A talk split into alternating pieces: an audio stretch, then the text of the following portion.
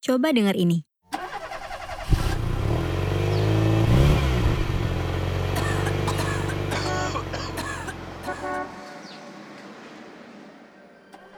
Relate nggak nih sama kamu yang tinggal di kota-kota besar di Indonesia macam Jakarta, Bandung, Yogyakarta, Surabaya, ya banyak deh.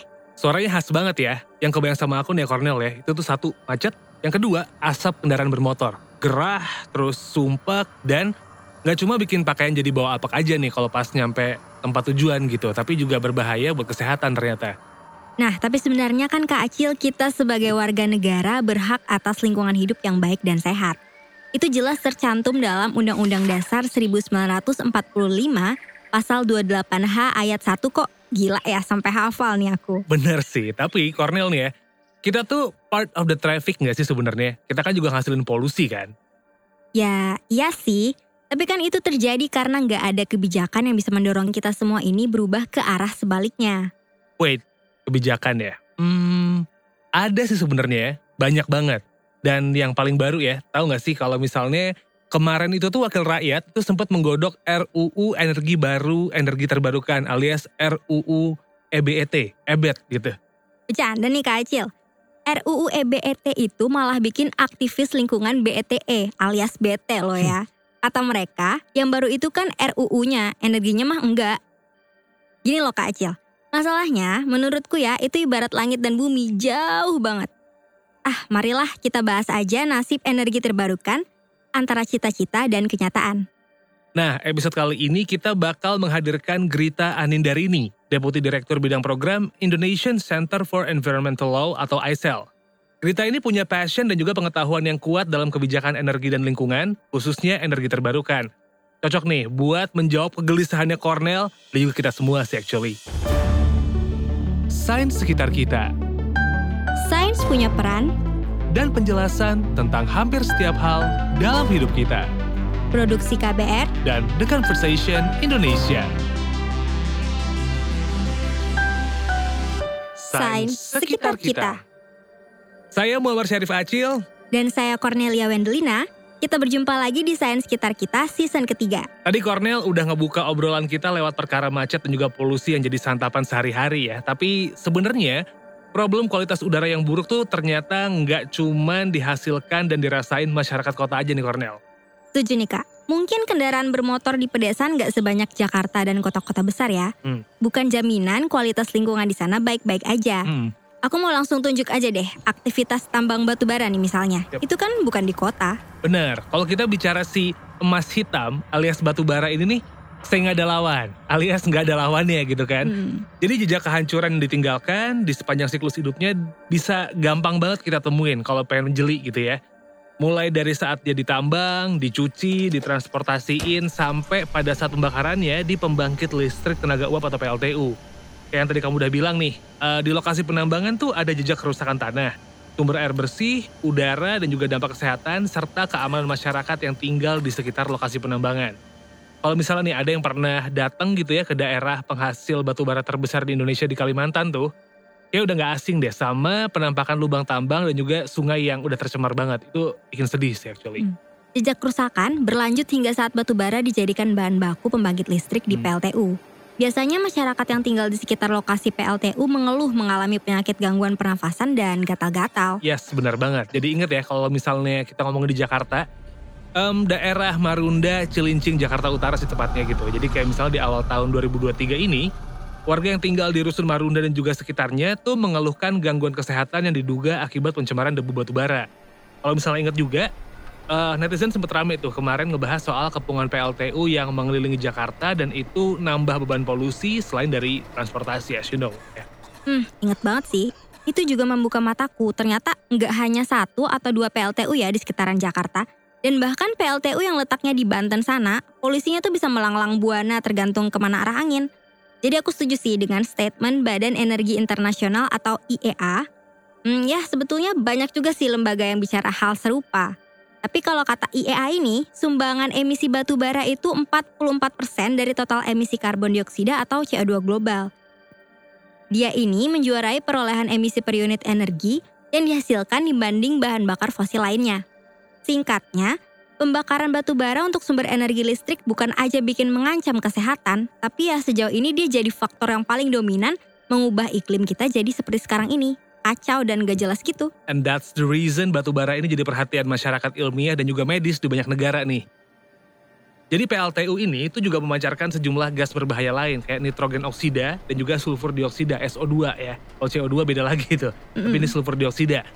Dua ini jadi kontributor utama dalam pembentukan hujan asam dan juga polusi partikel halus yang oleh para ahli kesehatan dinamai particular matter 2.5 atau disingkat PM 2.5 gitu.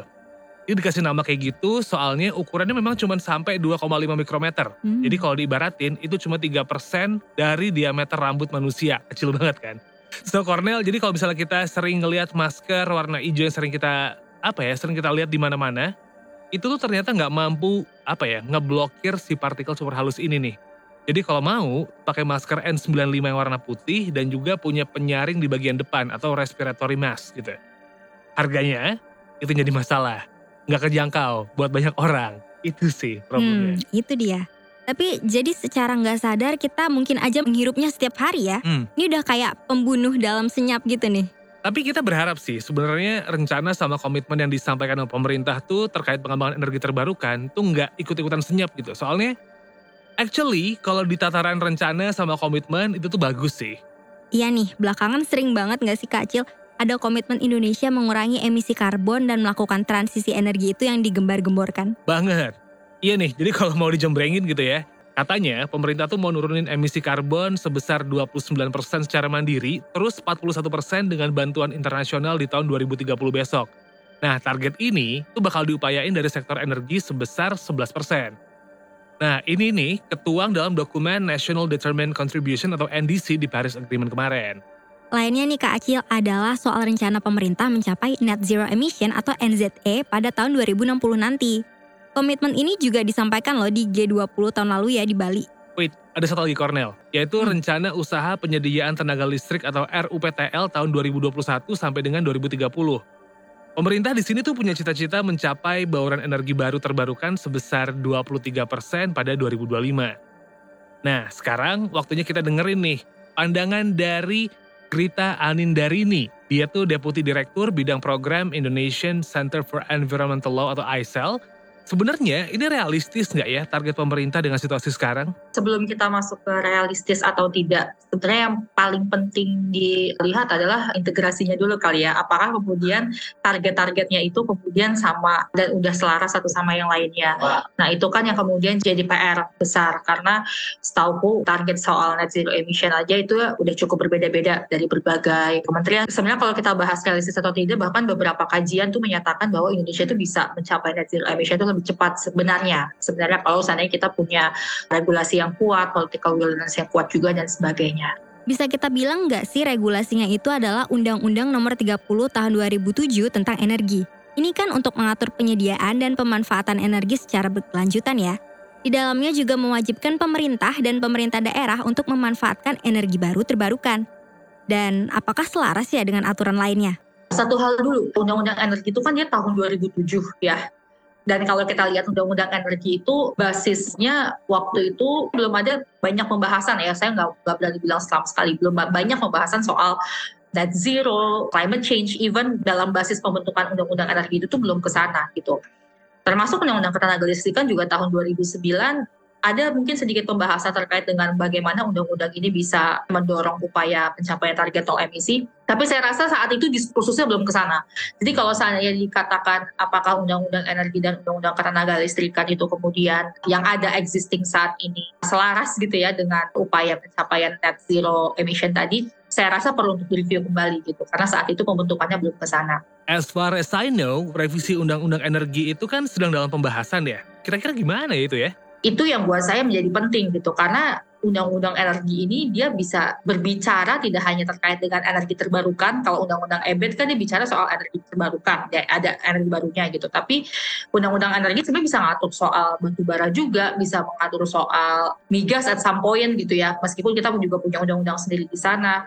Tapi maksudnya transisi transisi energi secara keseluruhan dari hulu sampai hilir undang-undang energi itu punya peran itu sebenarnya. Dan saya rasa itu yang penting untuk dioptimalisasikan pembahasannya. Dan parlemen juga sedang on the way nih dengan RUU EBT nih.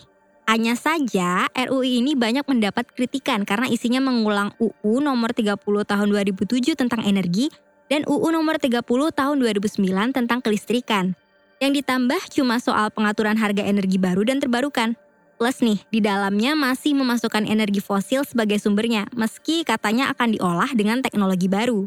Nah, sayangnya memang RUU ini kemudian tidak ada satu komitmen untuk bisa phase out dari batu bara, tapi justru memberikan insentif lagi gitu untuk penggunaan batu bara dengan bentuk-bentuk yang baru gitu. Ada namanya batu bara tercairkan, yang padahal harusnya kita butuhkan saat ini adalah ayo kita susun gimana caranya supaya kita bisa berhenti ketergantungan dengan energi fosil ini gitu. I see, bener juga ya. Kayaknya susah banget nih lepas dari ketergantungan terhadap batu bara. Kayak kita nih misalnya ya, beralih ke mobil listrik yang rendah emisi pun, sumber listriknya tetap lagi-lagi batu bara. Dan sayangnya nih, selain batu bara, RUU EBET ini juga memasukkan nuklir sebagai pilihan sumber energi. Makanya saya kembali lagi ke di awal kan saya bilang sebenarnya konsep transisi energi yang mau digagas tuh yang seperti apa sih gitu. Kalau kita bicara kita mau penggunaan energi atau pemanfaatan energi kita ke depannya adalah energi-energi yang rendah emisi, oh rendah emisi saja gitu, ya memang saya harus katakan nuklir itu rendah emisi gitu. Tapi kan banyak faktor lain yang perlu untuk dipertimbangkan. Masalah tadi masalah resiko lingkungan, kemudian konflik dengan masyarakat gitu, kemudian ada masalah finansialnya juga misalnya yang harus dipertimbangkan. Dan ketika kita bicara finansial, kita nggak hanya bicara keuangan atau dana yang dibutuhkan untuk membangun pembangkitnya gitu, tapi juga biaya-biaya maintenance-nya, kemudian biaya pengelolaan limbahnya itu kan penting untuk kita perhatikan ini emang agak gimana gitu ya. Di saat negara-negara maju mulai meninggalkan PLTN dan pelan-pelan mengurangi batu bara, kita kenapa sebaliknya sih? Nah, saya rasa sebenarnya dibandingkan kita spend ke situ, kita cukup banyak sekali sumber energi terbarukan yang sebenarnya lebih murah satu, risiko terhadap lingkungannya juga lebih sedikit. Kemudian yang ketiga, kita tidak perlu spending biaya maintenance-nya segitu besar gitu.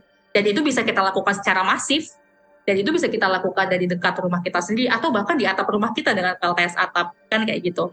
Jadi saya rasa sebenarnya kita harus fokus ke sumber-sumber energi yang seperti ini.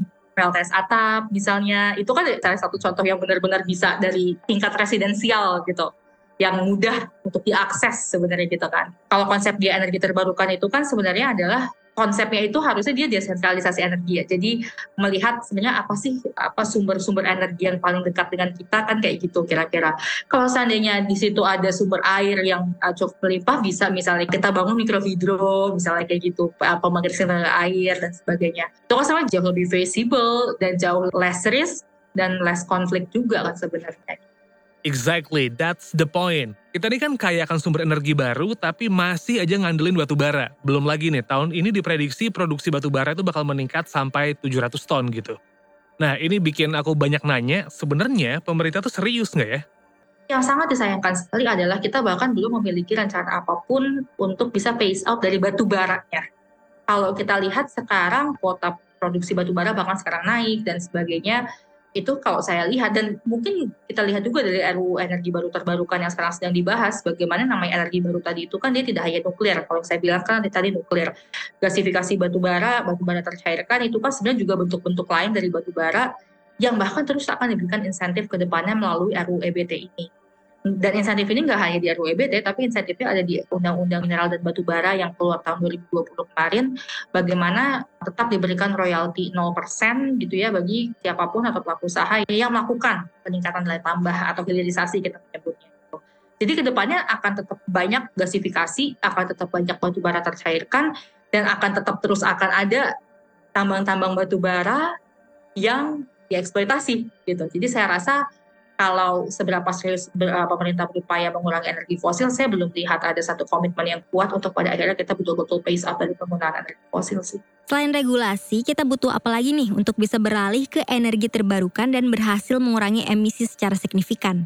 Kita butuh investasi juga dan sebagainya. Dan kalau kita lihat studinya teman-teman ISR, kalau nggak salah, mereka bilang kalau untuk mencapai net zero emission tahun 2060 atau lebih cepat, itu dibutuhin investasi sekitar 25 sampai 30 miliar USD, kalau nggak salah, dari sekarang sampai tahun 2030 itu Dan untuk mencapai ke sana yang diperlukan benar-benar pertama kali ya emang pada akhirnya regulatory reform gitu. Oke, sejujurnya aku merasa sedikit hopeless ya, tapi kalau kita lihat lagi, memang kendala Indonesia untuk memanfaatkan energi baru terbarukan ini cukup banyak ya Kak Acil. Pertama, seperti yang Grita sebutkan tadi nih, karena regulasinya cukup banyak dan satu sama lain itu kayak kurang terhubung gitu. Terus yang kedua, kalau kamu sadar, sistem ketenaga listrikan dan perencanaannya itu masih sentralistik. Apa-apa fokusnya di kota-kota besar aja, padahal daerah-daerah juga perlu dioptimalkan. Plus masalah biaya. Kayaknya ini nggak cuma buat pemerintah aja kalau mau membangun pembangkit listrik baru ya, tapi juga buat masyarakat gitu. Misalnya nih, kendaraan listrik tuh masih susah banget dijangkau meskipun iklannya udah mulai banyak Mm-mm. banget gitu. Benar-benar. Sekalinya ada program yang menyasar ke masyarakat kelas menengah ke bawah, ya malah nggak lanjut lagi ya. Kayak itu tuh sempat ada program pengalihan kompor LPG ke kompor listrik Hmm. yang akhirnya dibatalkan bulan September 2022 lalu. Ingat nggak kak? Ingat banget. Secara masyarakat menengah ke bawah, kapasitas listrik rumahnya masih rendah ya. Hmm. Jadi sulit deh menerapkan rencana kompor listrik. Tapi sejak semula itu tujuannya apa sih? Kalau ngelihat laporan dari Badan Energi Internasional, program kompor listrik ini sebenarnya punya tujuan buat ngurangin penggunaan gas LPG di rumah tangga. Soalnya pemerintah tuh ngerasa LPG ini nih makin ngebebanin gitu. Bahan baku gas cair yang dipakai buat LPG itu diimpor dari luar negeri. Bisa-bisa nih neraca perdagangan LPG malah jadi defisit. Kan pemerintah juga ngeluarin biaya subsidi ya buat LPG 3 kilo yang dipakai untuk memasak di rumah sama aktivitas ekonomi tuh. Jadi bakal berat banget nih kalau terus-terusan kayak gitu. Cuman ya tahu sendiri, kompor listrik ternyata belum jadi pilihan yang pas juga. Sulit gitu ya mau transisi energi gitu.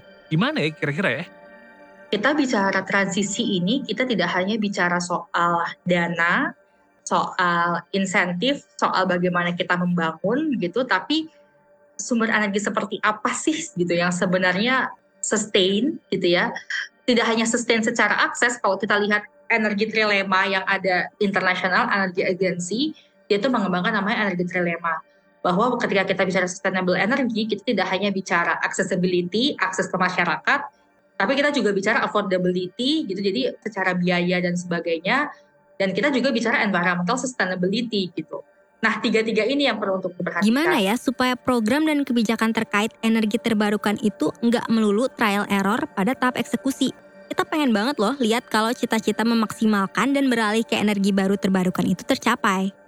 jadi kalau ditanya apa sih yang seharusnya dilakukan ada dua di satu sisi dia tetap harus memberikan insentif dan dukungan terhadap energi terbarukan dengan skala priority apa dan dengan skala berapa itu yang akan diberikan kemudahan dan insentif lebih awal gitu kan.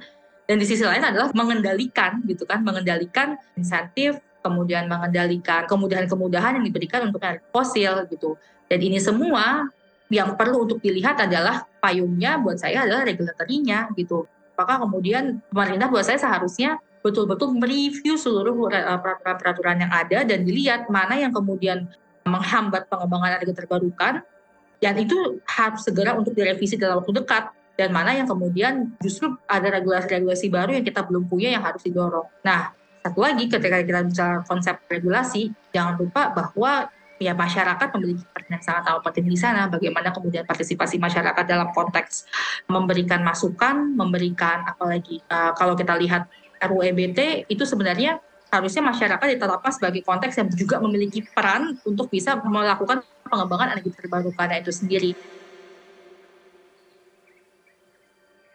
Kita ketemu lagi di episode berikutnya Sains Sekitar Kita. Kita bakal bahas hal yang gak kalah seru soal bagaimana anak muda memanfaatkan gambut. Tunggu infonya di akun Instagram @kbrprime dan juga kbr.id.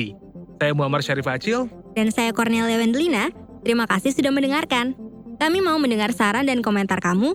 Yuk sampaikan melalui podcast at kbrprime.id. Bye. Bye! Sains Sekitar Kita Sains punya peran, dan penjelasan tentang hampir setiap hal dalam hidup kita. produksi KBR, Dan The Conversation Indonesia. Sains Sekitar Kita.